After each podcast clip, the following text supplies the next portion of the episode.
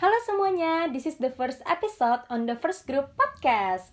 First Group akan membahas seputar Indonesia, yang di episode pertama ini akan membahas mengenai pendidikan selama pandemi yang ada di Indonesia. Seperti yang kita ketahui bahwa proses pendidikan selama pandemi ini berbeda saat sebelum adanya pandemi COVID-19 ini. Dan pastinya selama pandemi ini kita semua biasanya bekerja di luar ruangan, bekerja di luar rumah, akhirnya harus bekerja di rumah aja, termasuk proses pembelajaran yang harus dilakukan secara daring.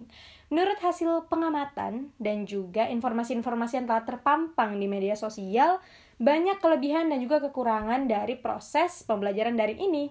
Dari kelebihan sendiri pastinya sudah jelas ya, kita tetap bisa belajar walaupun di rumah dan juga kita tetap bisa bertemu ataupun melihat teman-teman, dosen ataupun guru-guru kita walaupun kita di rumah aja. Nah, hal itu berarti selama pandemi ini kita masih tetap bisa belajar, masih bisa bertemu walaupun secara visual.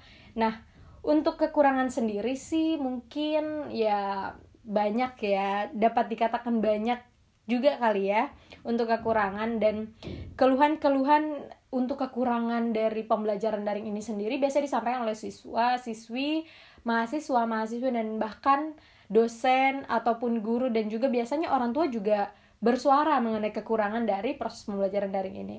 Nah, untuk mahasiswa atau juga siswa sendiri, mereka cenderung mengeluhkan tentang jaringan yang biasanya kurang memadai.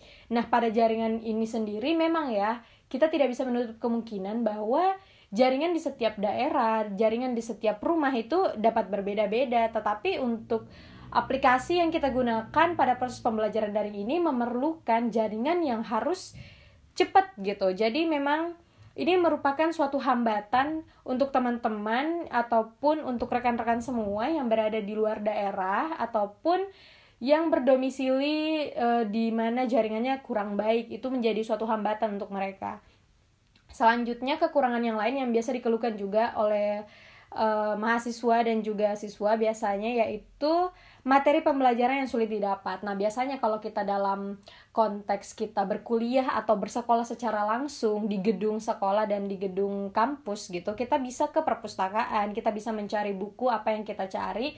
Nah, tetapi selama pandemi ini kita hanya mencari referensi di um, di Google ataupun di internet seperti itu, tetapi terkadang informasi yang ingin kita cari ada yang tidak ada gitu. Dalam artian informasi yang kita ingin cari terkadang tidak ada dan terkadang informasi yang kita ingin sampaikan, ingin kita tukarkan dengan teman-teman ataupun dengan orang yang lebih dewasa dari kita itu terpatahkan karena memang lebih seru, memang lebih dapat feel-nya kalau kita bertemu langsung untuk saling berinteraksi dan lain sebagainya.